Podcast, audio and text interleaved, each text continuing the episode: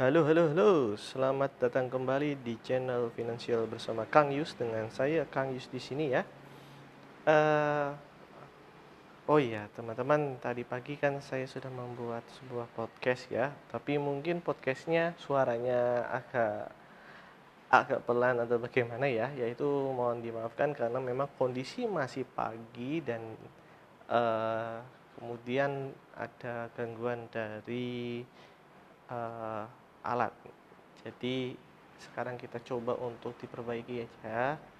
Sebenarnya sih tidak membahas atau tidak melanjutkan dari yang tadi pagi, tapi sebenarnya ini masih ada kaitannya dengan yang tadi pagi ya. Uh, jadi bagi teman-teman yang tidak sempat untuk mendengarkan podcast saya yang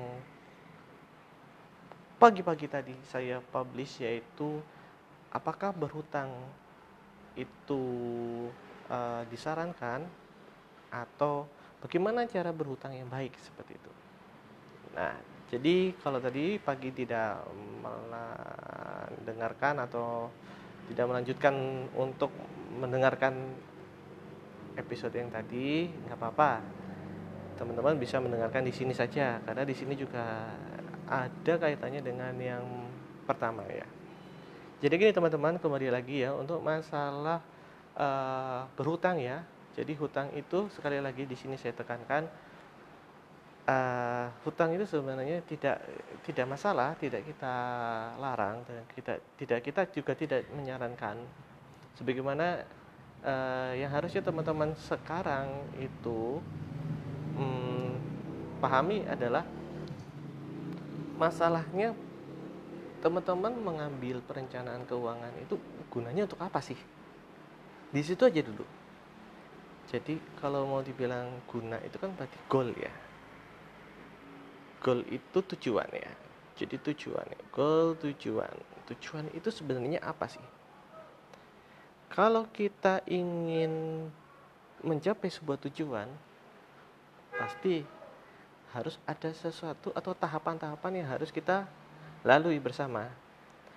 Nah tahapan-tahapan itu itu kemudian untuk berbagai macam cara yang pernah dilakukan atau pernah disampaikan oleh para motivator yang teman-teman sering lihat di TV atau ikut di seminar ya.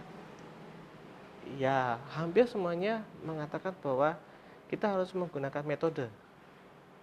Metodenya yang biasa ini digunakan adalah metode SMART SMART Smart Goals. Bagaimana kita akan menentukan goal kita? Jadi di situ ada yang pertama kita membahas bahwa tujuan goal itu harus spesifik. Karena teman-teman di sini ingin merencanakan keuangan supaya lebih baik berarti kan teman-teman harusnya berpikir bahwa saya ini nanti akan menuju ke mana? Biasanya sih yang sering disampaikan oleh para perencana keuangan adalah tujuan kita itu kan untuk financial freedom. Untuk kebebasan finansial. Di mana nanti ada fasenya ketika uang itu tidak lagi kita cari, tapi uang itu datang sendiri. Itu yang sangat diidap-idapkan oleh banyak orang. Nah, makanya di sini harus spesifik ya. Pertama spesifiknya apa? Kalau teman-teman di sini masih berpikir bahwa teman-teman harusnya berhutang berhutang terus, ada nggak sebenarnya uh, kebebasan di situ? Kan kalau berhutang kan berarti kan teman-teman ada yang terikat kan. Nah, terikat kan berarti tiap bulan teman-teman juga harus bisa nyaur, harus bisa membayar hutang, ya tidak sampai dengan masa tenornya selesai. Nah, di situ ya. Kalau teman-teman emang ada ingin tujuan biar teman-teman itu mengalami kebebasan finansial ya berarti bagaimana teman-teman itu bisa menghasilkan atau bisa mendapatkan hasil yang lebih besar daripada apa yang teman-teman dapatkan sekarang. Ya enggak? Dengan adanya perencanaan yang baik, berarti teman-teman dengan kata lain juga hutang-hutangnya itu akan berkurang karena hutang-hutang itu kan timbul kewajiban. Ketika kita sudah tidak punya kewajiban lagi, maka uang itu otomatis itu akan bebas bebas ke mana ya ke yang punya uang ya kita sendiri Tadi pertama kita tentukan targetnya apa, targetnya goalnya kita apa. Oh kita pengen biar hutangnya itu selesai. Nah kalau pengen hutang selesai itu kan berarti spesifik, itu bisa kita lakukan. Tapi nggak cuma spesifik saja ya, jadi goal itu kan tujuan itu kan setelah yang spesifik, ada yang kedua adalah measurable. Jadi terukur Iya, tadi teman-teman ingin terbebas dari hutang ya. Ini tidak membahas yang di podcast apa ya, podcast jadi ya. Podcast saya yang di awal yang yang tadi pagi itu ya kan saya membicarakan bahwa saya mendengar nih, mendengar ada uh, YouTube yang membahas tentang bagaimana caranya agar atau bagaimana kiat-kiat agar hutang Anda uh, lunas dan menguntungkan seperti itu bunyinya seperti itu. Tapi kan caranya kan tidak tidak baik sebenarnya. Cara yang bukan solusi kalau memang mau biar jadi nunggak itu itu bukan solusi Loh, dengan menjadi nunggak kan nanti akan terhapus sendirinya. Kalau dengan terhapus sendirinya kan oke. Okay. Sebenarnya Anda itu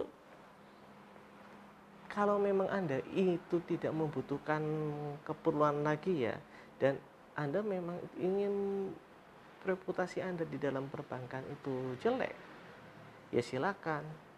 Tapi dengan tindakan seperti Anda itu apa ya, ya tindakan yang tidak tidak tidak saya sih bilang tidak etis ya dan walaupun itu boleh saja sih ketika kita bundet-bundet banget dan kita ini silahkan aja sih sebenarnya tapi saya tidak pernah menyarankan loh itu tindakan yang benar-benar uh, berarti menunjukkan bahwa Anda masih sampai dengan nanti ya Anda sebenarnya masih ada tanggungan di dalam perbankan itu. Tapi masalahnya di tanggungan di situ dia menjadi pay off atau charge off. Status itu yang ya mana status itu bisa dijadikan apa namanya uh, biaya biaya yang dibebankan tapi nanti itu walaupun dihapus bukukan tapi ketika itu menjadi pemasukan bagi bank, bank itu akan menjadi pendapatan. Pendapatan bank di situ. Ya, gambarannya gitulah. Kalau teman-teman menjadi nunggak kan? Berarti teman-teman benar-benar merugikan perbankan, merugikan lembaga keuangan finansial yang memberikan teman-teman hutang. Kalau teman-teman ini tujuannya tujuan mulianya teman-teman adalah ingin benar-benar teman-teman terbebas dari hutang ya harusnya terbebas dari segala konsekuensi hutang setelahnya. Nah di sini mas mbak atau bapak-bapak ibu-ibu ya perlu dipahami ya perlu dipahami bahwa tujuan goal dari perencanaan keuangan itu bukan hal yang ke sana. Kalau memang mau hal ke sana, ngapain perencanaan keuangan? Iya, berarti Anda nggak perlu perencanaan keuangan, Anda bisa melakukannya. Banyak kok orang yang tidak terencana dan orang itu akhirnya nunggak. Iya, percuma. Nah, kita harus benar-benar yang pertama adalah apa? Yang pertama kan kita sudah tahu, oh ini sudah spesifik kita mau lunas nih. Yang kedua, kita harus bisa terukur, measurable. Ya, mau kapan lunasnya? Jatuh temponya, tenornya itu diberi berapa tahun? Ah diberi berapa tahun tuh? Tiga tahun. Ternyata selama tiga tahun itu mau nggak mau ya harus segera dilunasin. Aku gimana ya? Tapi kan nggak sanggup. Lah kalau nggak sanggup ada banyak opsi. Jual jaminan eh bukan jual jaminan ya. Jual eh, harta anda yang bisa menutupi salah satunya nih ya menutupi utang-utang anda.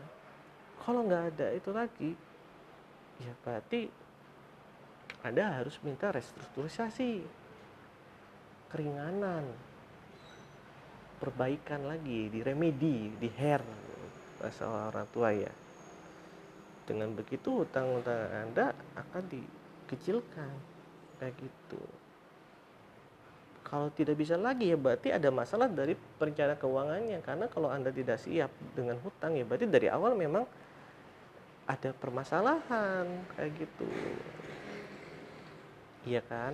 Nah kita harus kasih dulu kasih kasih kasih gambaran dulu deh. Pertama teman-teman ingin lunasnya kapan? Oh ini hutang saya tiga tahun lagi. Ini kalau ini posisi normal aja ya ketika teman-teman mendengarkan dari podcast saya yang tadi pagi kan teman-teman bisa apa kasih kesimpulan sendiri nih. 35% atau 30% dari pendapatan bersih teman-teman atau take home atau yang sudah dikurangin dengan pengeluaran teman-teman selama bulanan itu bisa digunakan. Asalkan sisanya sisa sisa ya sisa itu jangan sampai sisanya benar-benar limit banget. Kalau cuma sisanya itu bisa dikatakanlah masih ada antara antara 600 700 itu enggak kecil. Lo masih bisa untuk membantu dana-dana darurat. Tapi ini bukan dana darurat dalam arti dana darurat yang harus teman-teman kumpulkan ya. Di dalam perencanaan itu ada dana darurat yang benar-benar disebut dengan dana darurat ya. Tapi kalau yang ini ini untuk kebutuhan darurat di saat itu. Tapi ini tidak termasuk dana darurat mestinya bisa disebut dengan dana darurat tapi tidak termasuk dari kriteria tersebut ya oke ya Nah, kalau teman-teman masih punya sisa, yaitu semakin omber, semakin luas, semakin lapang sisanya itu semakin bagus. Jadi teman-teman tidak menghabiskan hutang teman-teman hanya pada satu lubang, hanya pada satu apa namanya satu sumber yang besar kayak gitu. Itu ya, ambil yang di situ. Yang kedua ya, kami measurable. Nah, teman-teman berarti selama tiga tahun itu harus selesai. Ya bagaimana caranya? Ya nanti, nanti akan kita bahas. Nah, ini yang kita bahas itu adalah yang tahapan berikutnya, yaitu achievable. Jadi goal itu tujuan yang selanjutnya adalah dapat tercapai. Nah, teman-teman kan gini, teman-teman punya hutang nih, yang tadi kita cerita, hutangnya teman-teman ambil yang tiga tahun. Nah tiga tahun ini dengan cara perencanaan keuangan yang matang berarti kan teman-teman mau bagaimanapun selama tiga tahun itu teman-teman harus selesaikan. Kira-kira dapat tercapai nggak? Pasti dapat dong ya nggak dengan cicilan yang teman-teman dapat. Ah cicilannya tadi kita itu ternyata cicilan cuma 600 ribu atau 500 ribu. Iya itu gunakan. Ada masih ada sisa nggak? Masih. Berarti teman-teman masih aman. Terukur nggak? Terukur. Dapat dicapai nggak? Ya pasti dapat dicapai. Kalau tujuan perencanaan keuangan itu ngambang ngawang ke mana-mana ya nggak jelas teman-teman pengen financial freedom. Cuma tujuannya financial freedom saja. Tapi gak ada keterusannya. Itu bisa dicapai kapan? Ya enggak tapi kalau teman-teman ambil satu poin saja tadi mau menyelesaikan hutang.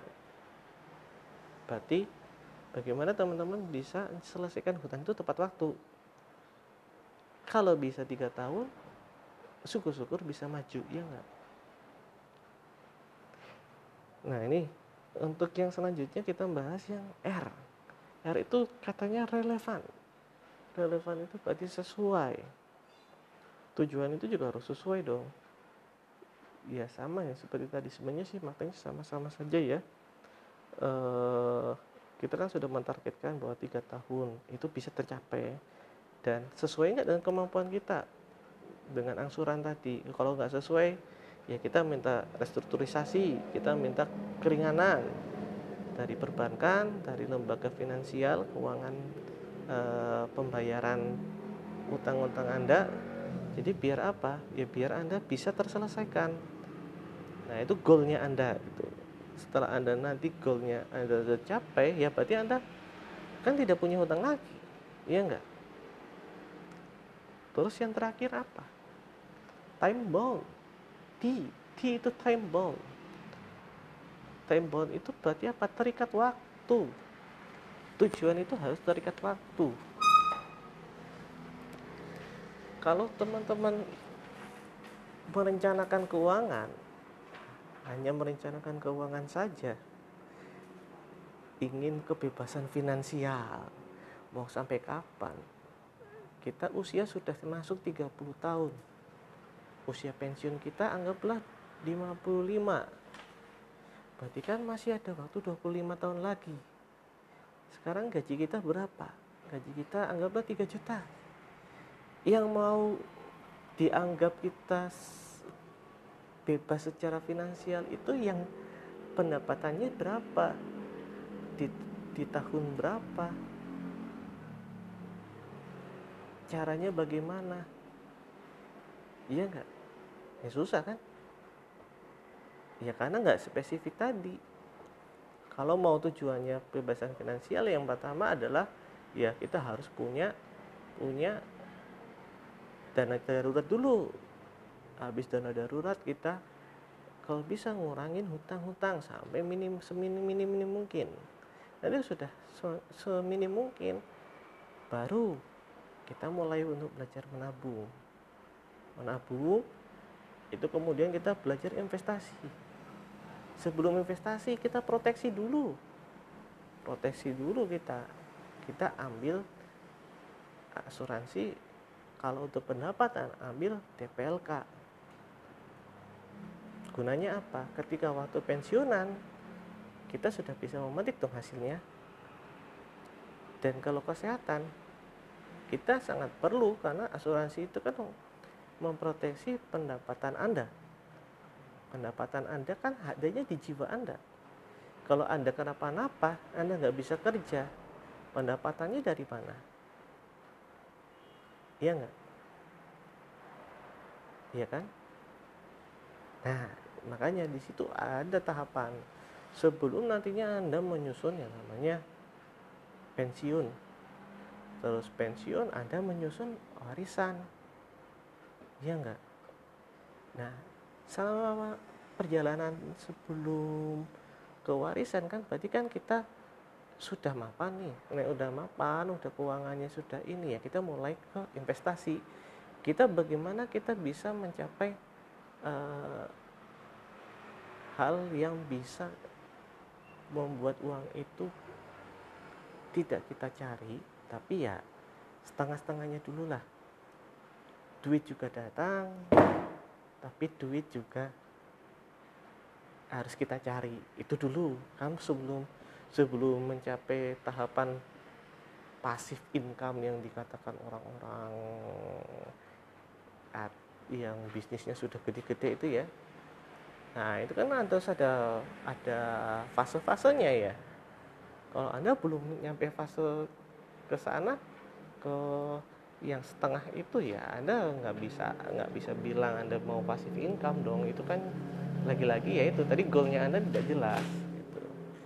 Nah, karena ini masih membahas tentang hutang, ya jadi kalau memang ingin memperlakukan atau ingin bagaimana kita mengelola hutang dengan baik ya ya tadi Anda hitung kemampuannya Anda udah ketemu kemampuannya Anda yang kedua iya patuhilah. Wah saya nggak nggak bisa punya ini loh nggak bisa punya motor. Tadi kan kita bercerita tentang motor ya. Nah kalau kita pengen motor yang harga 15 juta tapi kita angsurannya cuma 500 ribu ya berarti kita harus pakai down payment DP biar apa biar angsuran yang tadinya 800 atau angsuran yang tadinya 700 bisa turun kalau nggak bisa turun ya repot. Kalau kita nggak pakai DP bisa. Ya tadi pagi saya sudah menjelaskan ketika kita nggak pakai DP bisa. Tapi akhirnya apa efeknya?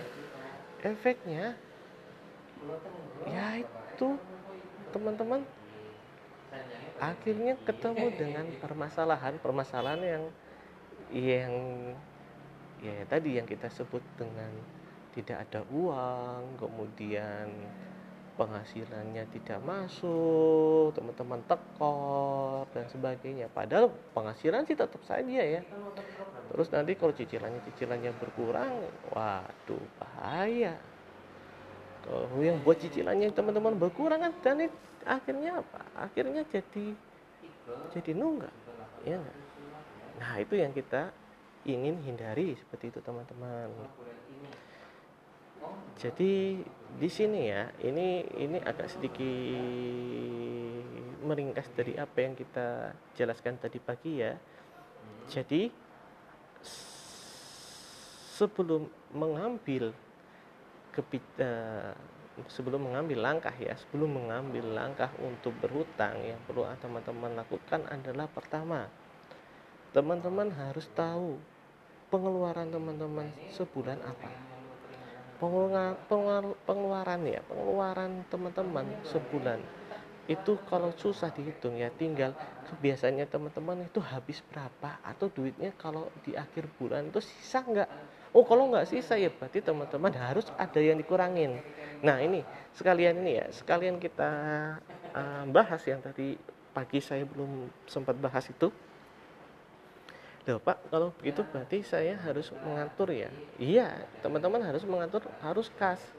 Harus kasih itu apa pak? Ya harus kasih itu harus pendapatannya. Teman-teman teman-teman dapat pendapatan kan bisa dari pendapatan yang sifatnya pendapatan tetap dan pendapatan tidak tetap.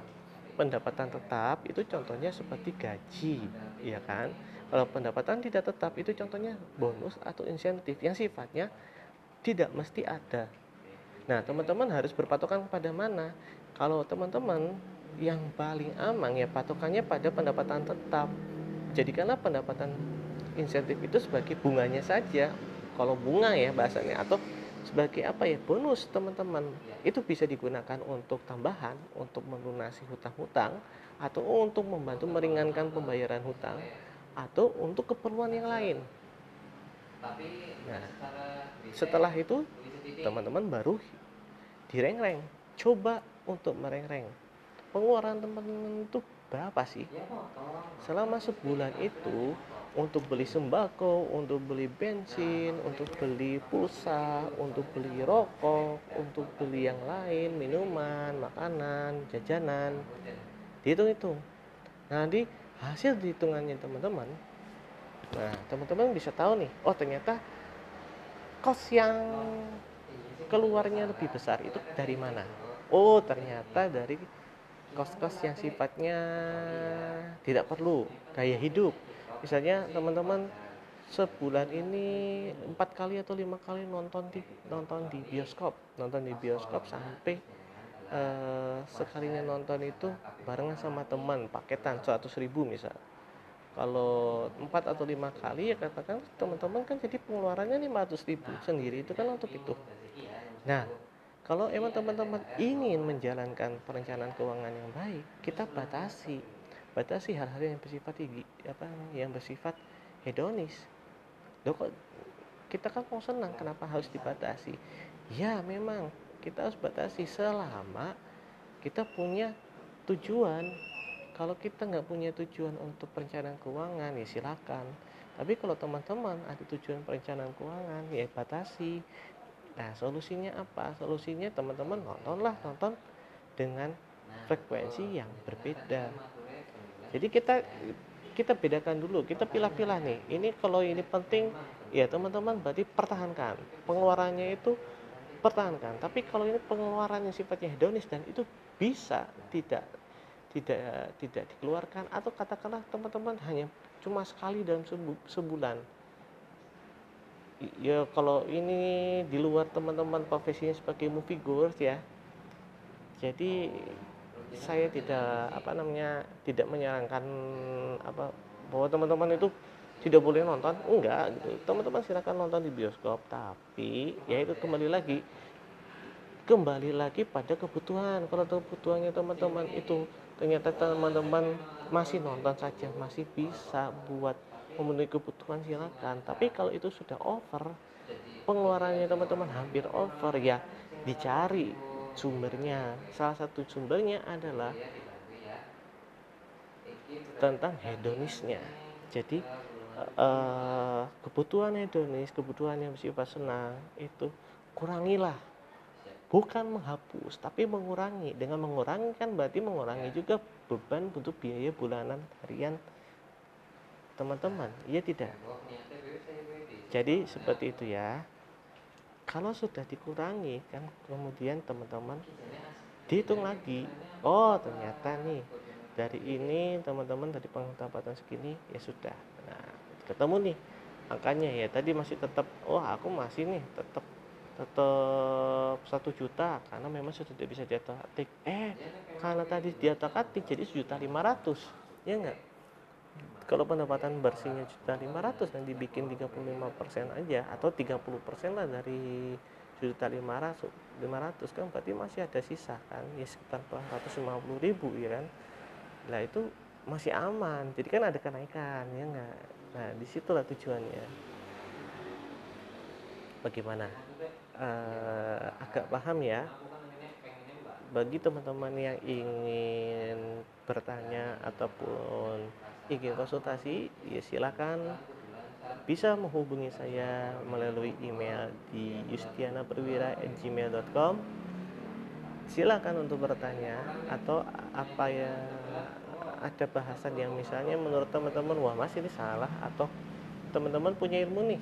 Ya silakan berbagi. Nanti kita bisa uh, gunakan itu pada kesempatan podcast yang selanjutnya atau ya kalau ada teman-teman ingin ingin misalnya ingin curhat dan ingin dibahas di podcast dengan kita anggap sebagai anonimitas ya. Saya juga bisa sih maksudnya uh, saya bisa kok di asalkan itu teman-teman nanti misalnya setuju saja untuk di kita kasih sebagai contoh kasus itu monggo silakan uh, saya juga ibaratnya terbuka ya bagi teman-teman karena ini kan untuk berkontribusi bersama seperti Oke, gitu aja dari podcast dari saya untuk kesempatannya pada malam ini. Bagi teman-teman muslim yang sudah berbuka puasa, selamat berbuka puasa dan jangan lupa tetap stay home. Stay safe dan stay healthy. Oke. Okay.